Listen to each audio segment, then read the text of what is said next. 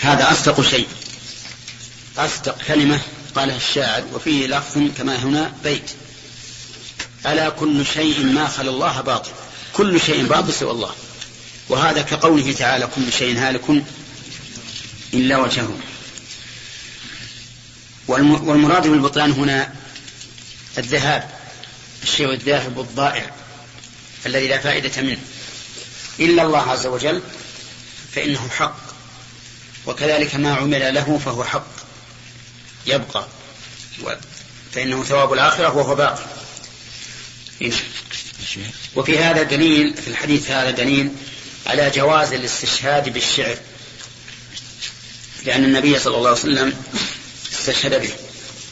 وفيه أيضا دليل على قبول الحق ممن جاء به حتى وإن كان شاعرا أو كان فاسقا أو غير ذلك.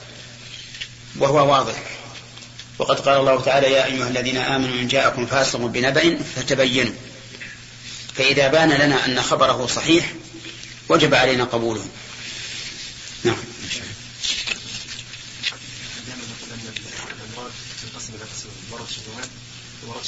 نعم. ما ادري الشبهات تدخل في الشهوات ولا في هذا الحديث أين؟ أين؟ حجبت الشهوات. نعم. نعم. لا الشبهات قد يكون الإنسان معذورا فيها. الشبهات قد يكون معذورا فيها لعدم علمه. لكن الشهوة ما تكون إلا مع العلم. قد يرفع عنها شوف. قد يرفع أي؟ حديث الإسلام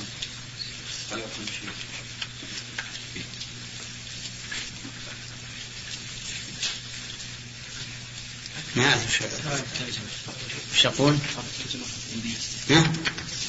الحديث الثاني نعم يقول يقول تنبيه نعم مناسبة هذا الحديث الثاني للترجمة خفية وكأن الترجمة لما تضمنت ما في الحديث الأول من التحريض على الطاعة ولو قلت والزجر عن المعصية ولو قلت فيفهم أن من خالف ذلك إنما يخالفه لرغبة في أمر من أمور الدنيا وكل ما في الدنيا باطل كما صرح به الحديث الثاني فلا ينبغي للعاقل أن يؤثر الفاني على الباقي.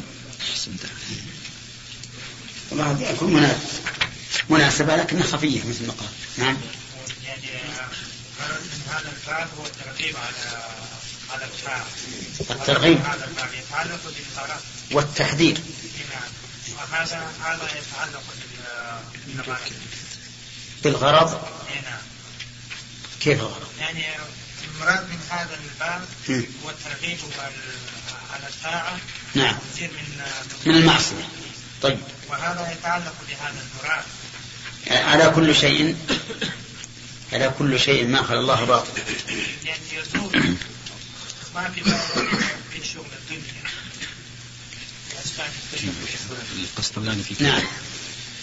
قال القسطلاني ومطابقة الحديث للترجمة من حيث أن كل شيء ما خلا الله في الدنيا الذي لا يؤول إلى طاعة الله ولا ولا يقرب منه إذا كان باطلا يكون الاشتغال, يكون الاشتغال به مبعدا من الجنة مع كونها أقرب إليه من شراك نعله. والاشتغال بالأمور التي هي داخلة في أمر الله تعالى يكون مبعدا من النار مع كونها أقرب إليه من شراك نعله. قاله في عمدة, في عمدة القاري وقال إنه من الفيض الإلهي الذي وقع في خاطره.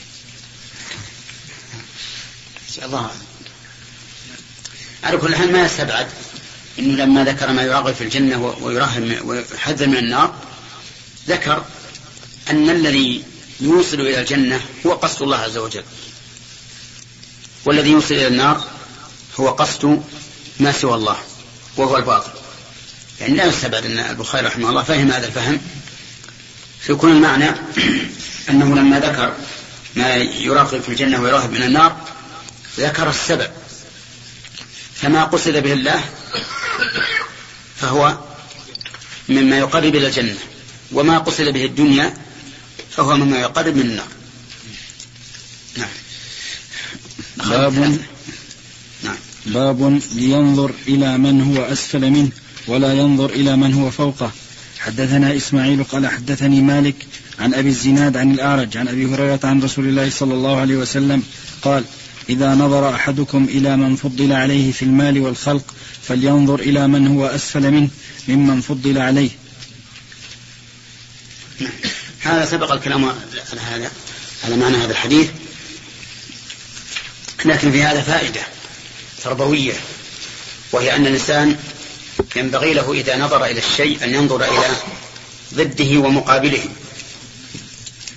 حتى يقابل هذا بهذا. ولهذا له شواهد كثيرة في السنة ومنها قول النبي صلى الله عليه وسلم لا يفرك مؤمن مؤمنة إن كره منها خلقا رضي منها خلقا آخر.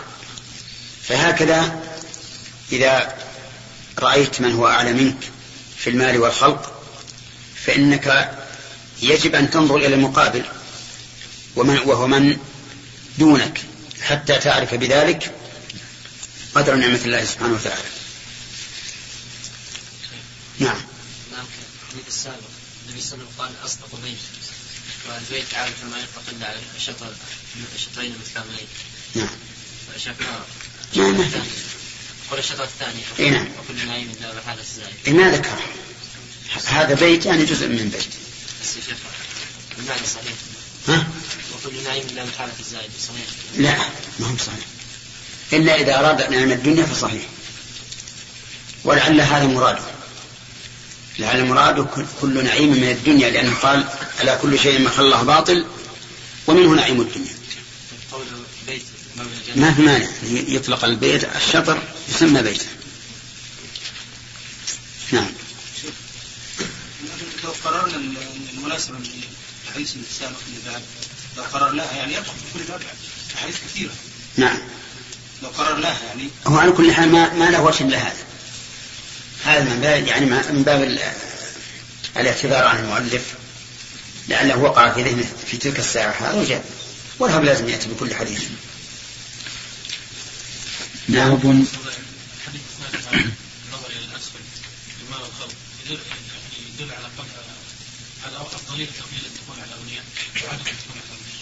لا. لا ما إلا إذا خاف الإنسان على نفسه. خاف على نفسه من هذا فنعم يبعد عنهم وعن رفاهيتهم. نعم. باب من هم بحسنة أو بسيئة. حدثنا أبو معمر قال حدثنا عبد الوارث قال حدثنا جعد أبو عثمان قال حدثنا أبو رجاء العطاردي عن ابن عباس رضي الله عنهما عن النبي صلى الله عليه وسلم فيما يروي عن ربه عز وجل قال قال إن الله كتب الحسنات والسيئات ثم بين ذلك فمن هم بحسنة فلم يعملها كتبها الله له عنده حسنة كاملة. فإن هو هم بها فعملها. كتبها الله له عنده عشر حسنات إلى سبعمائة ضعف إلى أضعاف كثيرة. ومن هم بسيئة فلم يعملها كتبها الله له عنده حسنة كاملة. فإن هو هم بها فعملها كتبها الله له سيئة واحدة. قوله صلى الله عليه وسلم إن الله نعم. أولا قال من هم بحسنة أو سيئة. الهم يطلق على مبادئ التفكير ويطلق على مناهي التفكير يعني منتهاه وهذا الأخير هو المراد. لأن الأول ليس فيه فعل من العبد وليس فيه عزم على شيء لكن من هم في أواخر الهم وهو العزم. فهذا هو, هو الذي يتنزل عليه الحديث. يقول عز وجل يقول المؤلف يقول الرسول صلى الله عليه وسلم فيما يروي عن ربه إن الله كتب الحسنات والسيئات ثم بين ذلك. كتبها يحتمل أن يكون المعنى. بينها. بينها. ويحتمل أن يكون المراد كتب ثوابها. ويؤيد هذا الاحتمال الثاني آخر الحديث. حيث قال ثم بين ذلك فمن هم بحسنة. فقوله فمن هم بحسنة فلم يعملها كتبها الله عنده حسنة كاملة. وذلك لأن مجرد الهم بالحسنة الذي هو العزم يعتبر حسنة. لأنك إن لم تهم بها هممت بسيئة أو بشيء لغو لا فائدة منه. فإن, فإن هم بها فعملها كتبها الله عنده عشر حسنات إلى سبعمائة ضعف إلى أضعاف كثيرة. إذا الحسنة لها مرتبتان. المرتبة الأولى أن يهم بها والثانية أن يهم بها ويعملها. هذا الحديث. فيه مرتبة ثالثة لم تذكر هنا وهي إذا هم بها وعزم عليها لكن عجز عنها. أو فعلها ولم يدركها. فهذا يكتب له الأجر كاملا.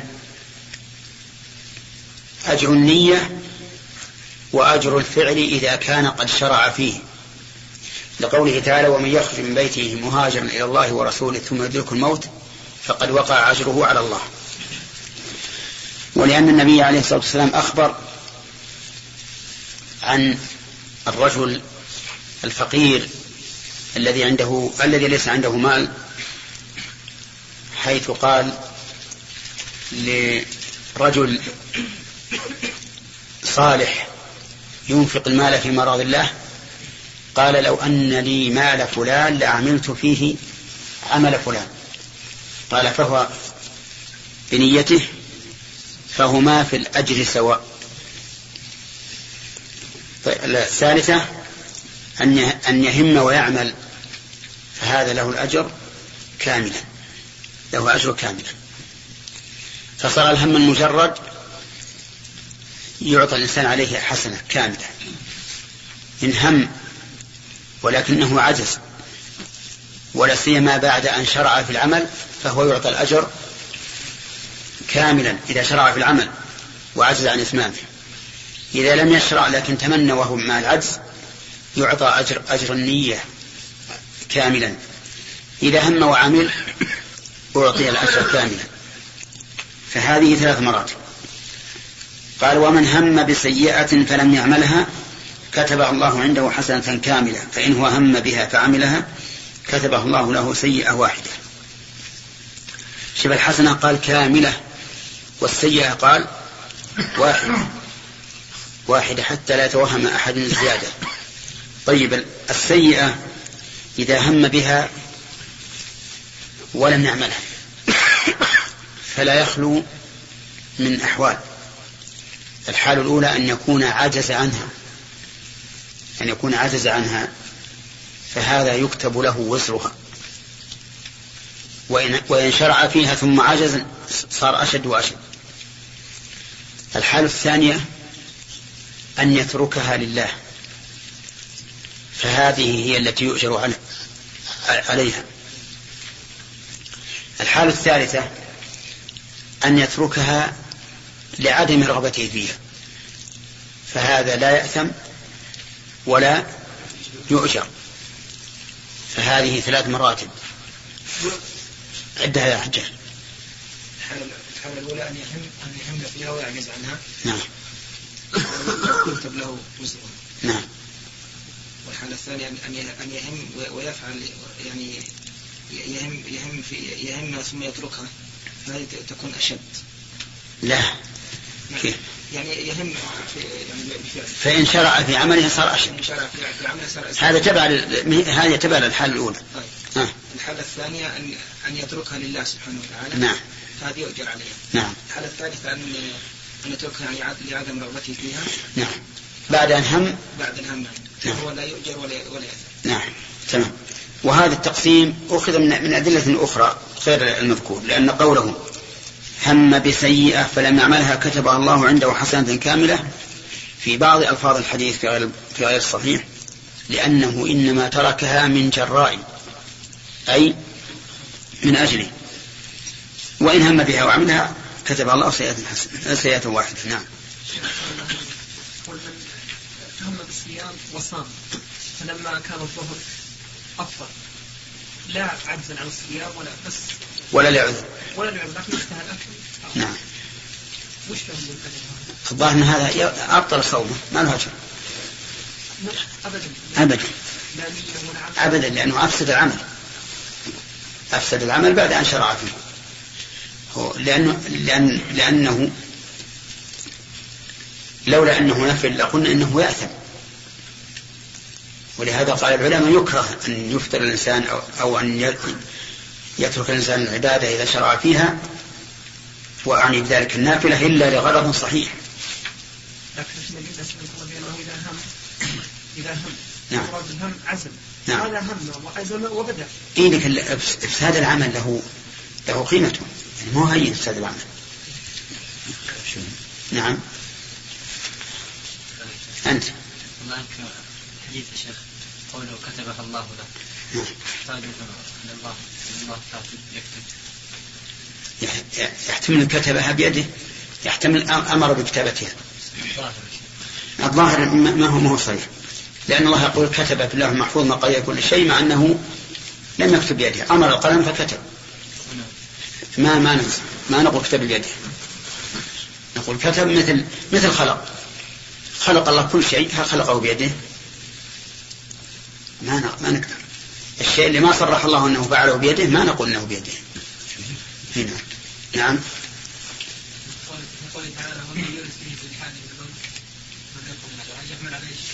نعم. يحمل على خصوصية مكة. لعظم الذنوب فيها صار الهم يعاقب عليه الإنسان. الإنسان إلا إذا تركه لله تركه لله فإنه لا يأثم لكن مجرد الهم إذا لم يثني عزمه فإنه يعاقب بهذه العقوبة. باب ما يتقى من محقرات الذنوب. حدثنا أبو الوليد. من؟ باب ما يتقى من محقرات الذنوب. لا عندي بالفتح. محقرات يا شيخ. محقرات وهو الوجه. وهذا وجهه. محقرات المحقرات يعني التي يحقرها الإنسان.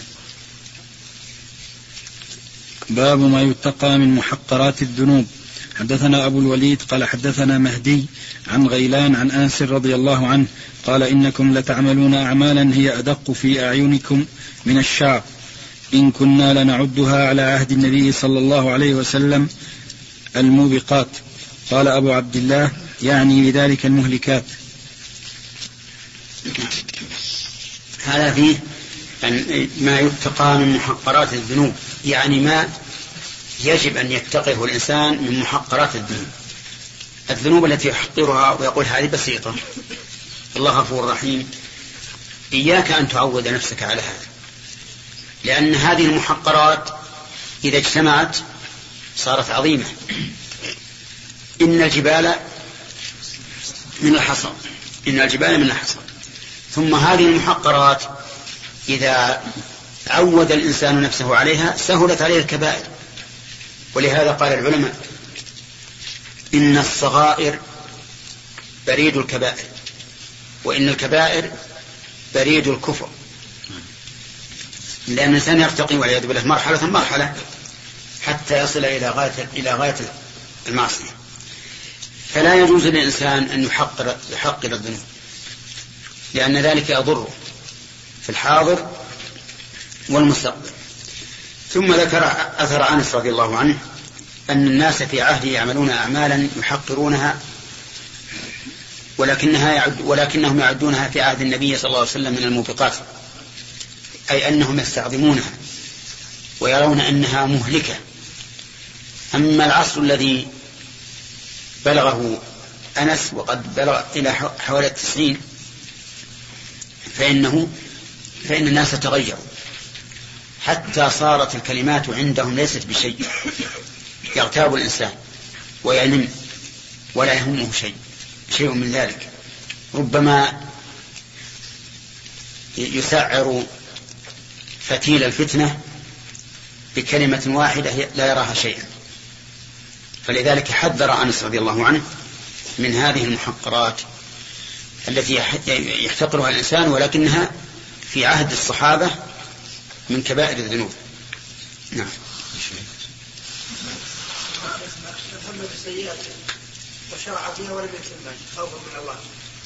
يكون تاب هذا. يثاب على على على أجر توبته. يعني يثاب أجر التوبة. هنا. الناس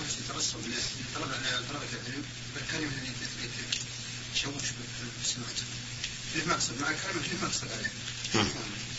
هذا أيضا من من الأشياء التي يحقرها الإنسان وهي من من المهلكات وقد ذكرنا أن أن غيبة ولاة الأمر من العلماء أو الأمراء أشد من غيبة غيرهم لأن غيبة الأمراء ولاة الأمور توجب أن يخف وزنهم عند الناس وطاعتهم. ويخف التمرد عليهم. وإذا عملوا أي عمل ولو كان خيرا مثل الشمس رآه الناس لن يروا فيه فضلا لولاة الأمور. والعلماء أشد أيضا لأن الكلام في العلماء يؤدي أيضا إلى حط رتبتهم وإلى عدم قبول ما جاءوا به من الشرع. فيكون هذا الرجل متسببا لرد الشرع الذي يأتي به هؤلاء العلماء. فالمسألة خطيرة جدا. يعني التعرض للعلماء وللأمراء أعظم بكثير من التعرض لعامة الناس. نعم آدم. بس زمن يعني مثلا يبين الأمور بالنسبة لاغلاط الأمور أو العلماء؟ يعني في شيء يبين أن واحد يغتاب فيه. يعني يعمل افعال يعني واحد لا بد مضطر يكون فيه مضطر؟ يا شيخ آدم كيف إذا رأيت شيئا من من العلماء أو من الأمراء مخالفا للشرع في نظرك فليس مما يزيل هذا أن تتكلم فيه في المجالس. الذي يزيل أن تتصل بهم. لا مهم لا مهم اكتب كتاب وإلا اتصل بمن يمكن أن يتصل بولاة الأمور. وبلغوا أما تقل مثل في كل ربعة تكلم نعم؟ كأنما وكلت أن تنشر معايبهم هذا خطأ. هذا خطأ. يوجب التمرد عليهم. هذا يا شيخ ليس ليس سهلا في كل الأمر. نعم. يعني بعض البلاد الموضوع الاتصال بولاة الأمور موضوع يعتبر يعني عبث. ما يمكن توصل رسالتك لولي الأمر. طيب. ما يمكن تتصل بمن يتصل بولي الأمر؟ أبدا. يحول حتى لو لو هذا الرجل اللي يتصل به إيه. له مكانة إيه؟ تقف عنده الرسالة. ما تقف طيب. إذا تكلم يعني ما يخالف ما يخالف. إذا تكلمنا بهم في في, في المجالس وجعلناهم فاكهة المجالس ما الذي نستفيد؟ لا أنا لا أقول إن يعني يعني يسوق بهذا الأمر لكل واحد أن يقول ما شاء. نعم. لكن بعض بعض الدعاة يتكلم في هؤلاء الولاة والله ما أراها أنا أرى أن إذا يتكلم الإنسان لا بأس يتكلم عن الأشياء المنتشرة بين الناس يحذر منها أما الكلام في نفس ولي الأمر فهو صعب. لأن وان كان ولي الأمر يعني حرب على الإسلام. لا يختم المصلحة. نعم إذا كان حربا على الإسلام وكان وكان الكلام فيه يجدي. لكن الغالب أن يكون المسألة عكسية.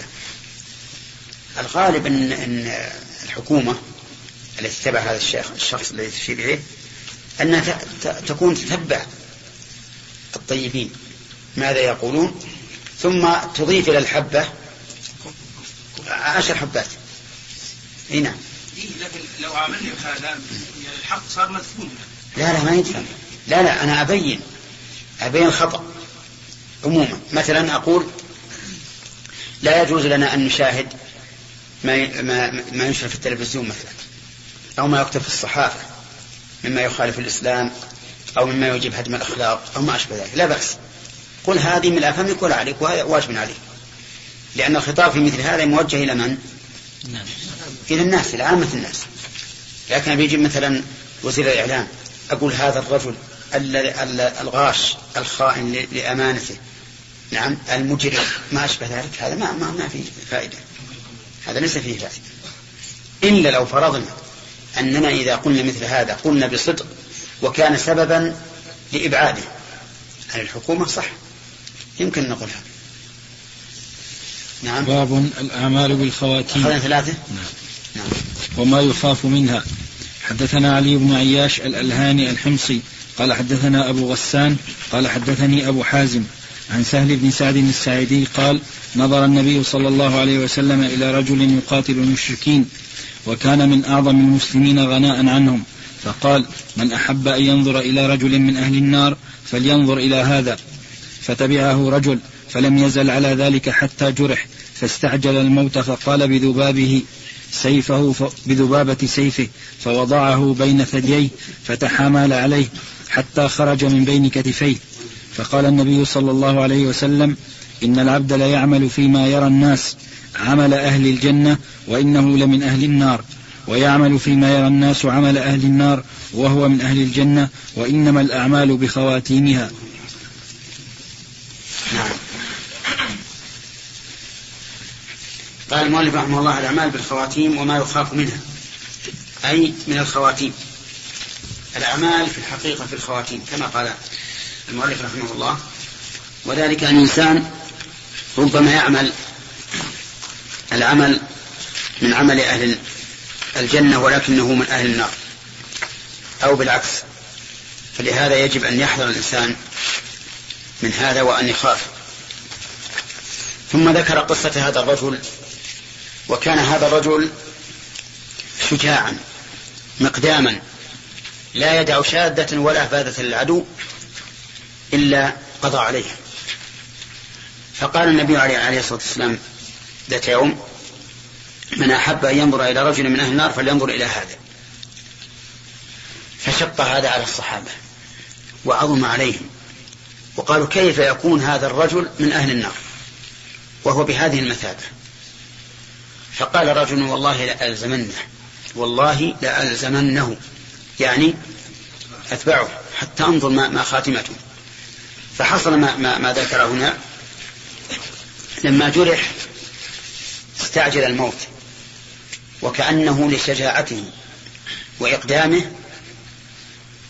قال لماذا أجرح وأنا بهذه المثابة شجاع مقدام فاستعجل الموت والعياذ بالله قهرا فأخذ بذبابة سيفه فوضعه بين ثدييه واتكأ عليه تحامل عليه حتى خرج من بين كتفيه ومات. فقال النبي عليه الصلاة والسلام إن, إن العبد لا يعمل فيما يرى الناس عمل أهل الجنة وإنه لمن أهل النار. أعوذ بالله. فيما يرى الناس. يعني ويكون ما في باطنه مخالفا. شرا وفاسدا. وكذلك يعمل فيما الناس عمل أهل النار وهو من أهل الجنة. وإنما الأعمال بالخواتيم. الأعمال بالخواتيم. قد يكون هذا الرجل يعمل بعمل أهل النار فيما يرى الناس ثم يمن الله عليه بالهداية ويهتدي ويختم له بحسن الخاتمة. نسأل الله أن يحسن لنا جميعا الخاتمة. قال البخاري رحمه الله تعالى باب باب العزلة راحة من خطاب السوء. حدثنا أبو اليمان قال أخبرنا شعيب عن الزهري قال حدثني عطاء بن يزيد أن أبا سعيد حدثه قال قيل يا رسول الله حاء وقال محمد بن يوسف حدثنا الأوزاعي قال حدثنا الزهري عن عطاء بن يزيد الليثي عن أبي سعيد الخدري قال جاء أعرابي إلى النبي صلى الله عليه وسلم فقال يا رسول الله أي الناس خير؟ قال رجل جاهد بنفسه وماله ورجل في شعب من الشعاب يعبد ربه ويدع الناس من شره. تابعه الزبيدي وسليمان بن كثير والنعمان عن الزهري وقال معمر عن الزهري عن عطاء أو عبيد الله عن أبي سعيد عن النبي صلى الله عليه وسلم وقال يونس وابن مسافر ويحيى بن سعيد عن ابن شهاب عن عطاء عن عبد عن بعض أصحاب النبي صلى الله عليه وسلم عن النبي صلى الله عليه وسلم. بسم الله الرحمن الرحيم. المؤلف رحمه الله يقول العزلة راحة من خلاط السوء.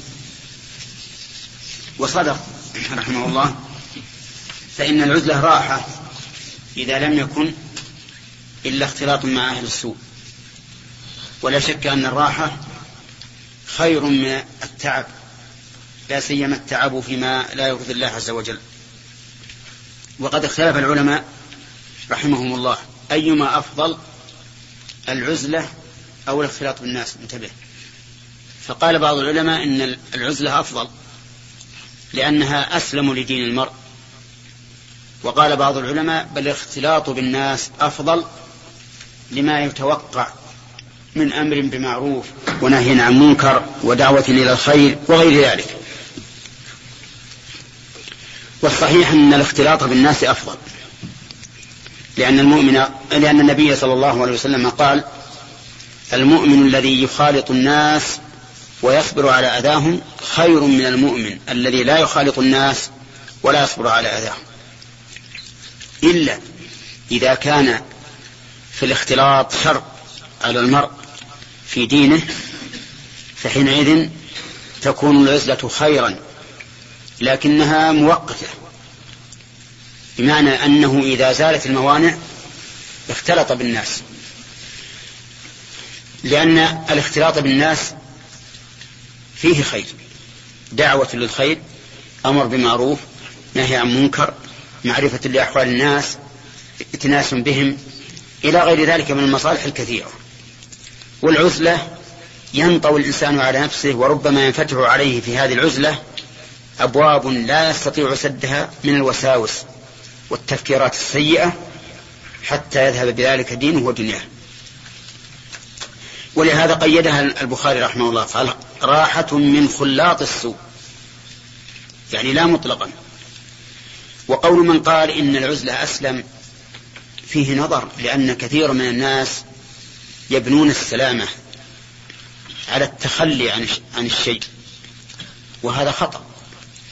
فالتخلي عن الشيء قد لا يكون سلامة لأنه إذا وجب عليك الخروج للناس والدعوة إلى الخير والأمر بالمعروف والنهي عن المنكر لم تكن العزلة سلامة بل تكون العزلة ندامة ومسؤولية وإضاعة. فالتخلي عن الشيء ليس سلامة على كل حال بل قد يكون فيه الندامة والملامة. ثم ذكر هذا الحديث واضطراب إسناده لكنه اضطراب لا يضر. إنما سئل النبي عليه الصلاة والسلام أي الناس خير؟ قال رجل جاهد بنفسه وماله. فهذا خير الناس لأنه ركب ذروة سنام الإسلام كما قال النبي عليه الصلاة والسلام ذروة سنامه الجهاد في سبيل الله. والثاني رجل في شعب من الشعاب يعبد ربه ويدع الناس من شره. وهذا في حال الفتن. وحال وحال الشر باختلاط الناس. فتكون العزلة في شعب من الشعاب خيرا من الاختلاط بالناس. لما في الاختلاط من الفتنة والشر. فالجهاد في حال مشروعيته وجوبا أو استحبابا خير من العزلة والعزلة في حال الفتنة خير من الاختلاط. فعلى هذا يكون هذا الحديث مقيدا يعني إطلاق قوله في شعب من الشعب رجل في شعب من الشعب يعبد ربه ويدع الناس من شره. هذا مقيد بماذا؟ بما إذا كثرت الفتن ولعله يفسره ما روي عن النبي صلى الله عليه وسلم في قوله إذا رأيت شحا مطاعا ودنيا مؤثرة وهو متبعا ودنيا مؤثرة وإعجاب كل ذي رأي برأيه فعليك بخاصة نفسك ودع عنك أمر العوام. نعم.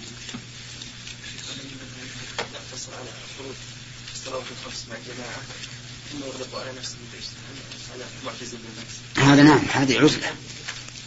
لكنها ما هي بالعزلة المطلقة التامة لكن لابد تختلط مع الناس. إيه هذه فيها نوع اختلاط لكن ما هي الخطلة الخطلة التامة؟ ولهذا يقول الناس عن مثل هذا الرجل يقول معتزل من بيته المسجد دائما يتحدثون بهذا الحديث. نعم. الذي يخاطب الناس ويستر على أذاهم خير من الذي لا يخاطب ويستر على أذاهم. ألا يدل على أن الأمر بالمعروف والنهي عن المنكر فرض كفاية. إي نعم. لا فرض عين. هو فرض كفاية هذا هو فرض كفاية إلا إذا لم يقم به أحد فصار فرض عين. نعم. حسين؟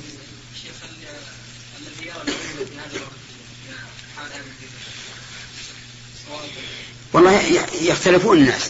إذا كان الإنسان لا يؤثر على المجتمع بالتوجيه السليم فقد يكون اعتزاله خيرا. أما إذا كان يستطيع يؤثر فاختلاطه بالناس وبيان الواقع والحق أحسن. أحسن لأن الناس في حال الفتن يموجون كأمواج البحر. هذا مقبل وهذا مدبر ولا يكون عندهم أحد يوجههم. فالناس يختلفون. إذا كان هذا الرجل له تأثير وهو قدوة عند الناس فلا ينبغي أن يعتزل يتكلم بما يرى أنه الحق. حدثنا أبو نعيم قال حدثنا الماجشون عن عبد الرحمن بن أبي صعصعة عن أبيه عن أبي سعيد أنه سمعه يقول سمعت النبي صلى الله عليه وسلم يقول يأتي على الناس زمان خير ما للرجل المسلم الغنم يتبع بها شعف الجبال ومواقع القطر يفر بدينه من الفتن. نعم. ما أخبر به النبي عليه الصلاة والسلام سيقع يأتي على الناس زمان يكون خير ما للرجل المسلم الغنم. يتبع بها شعف الجبال ومواقع القطر يعني مواقع الأمطار كالأودية يفر بدينه من الفتن. وهذا خير ما للإنسان أنه يسلم به دينك من الفتن. وهذا وأمثاله من الأحاديث لا ينبغي أن نطبقه على قضية معينة حتى تتم هذه القضية وتكون مطابقة تماما لما جاء في الحديث. ثم إذا وقعت القضية مطابقة تماما لما جاء في الحديث فهل نقول إنها انتهت ولن تعود؟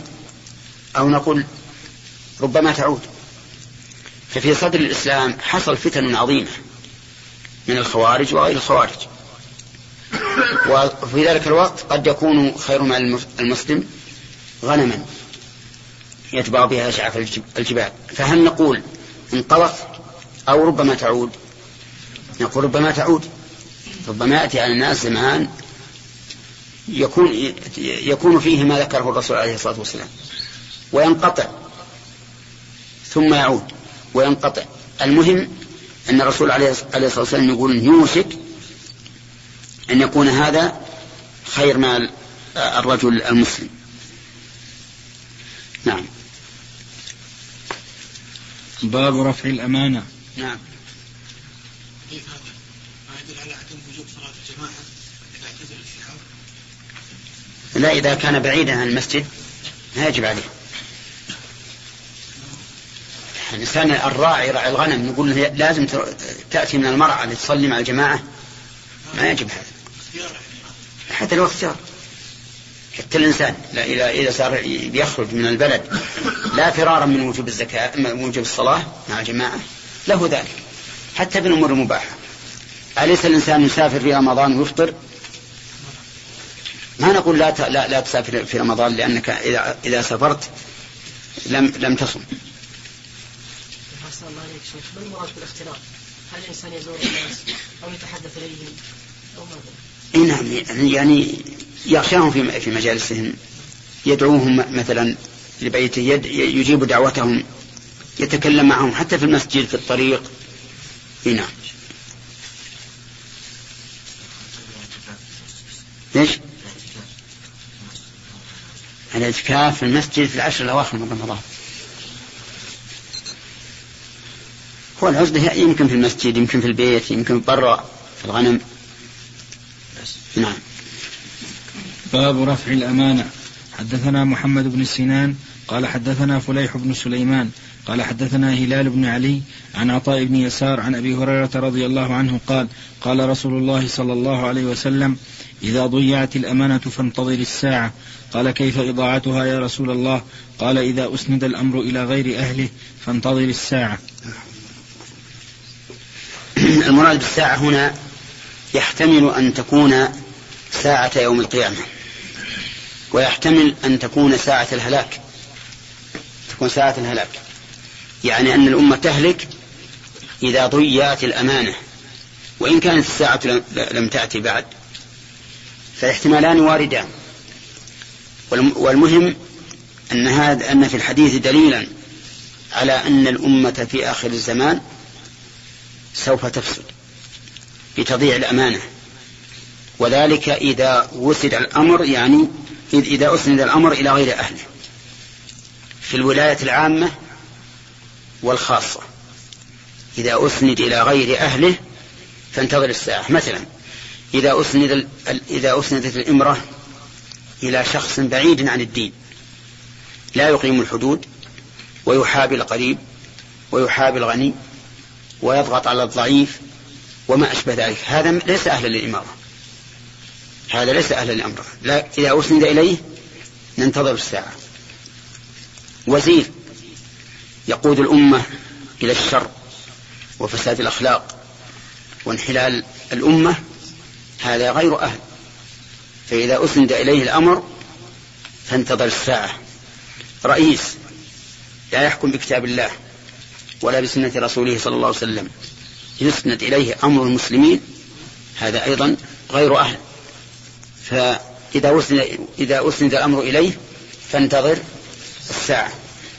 مدير مثلا أسند إليه الأمر لكن لا يحسن الإدارة لا فنيا ولا تربويا.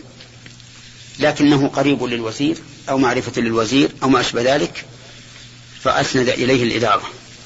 نقول هذا أيضا من إضاعة الأمانة. بل إن النبي عليه الصلاة والسلام أخبر أن الرجل إذا ولى شخصا على أحد وفيهم من هو خير منه فقد خان الله ورسوله والمؤمنين.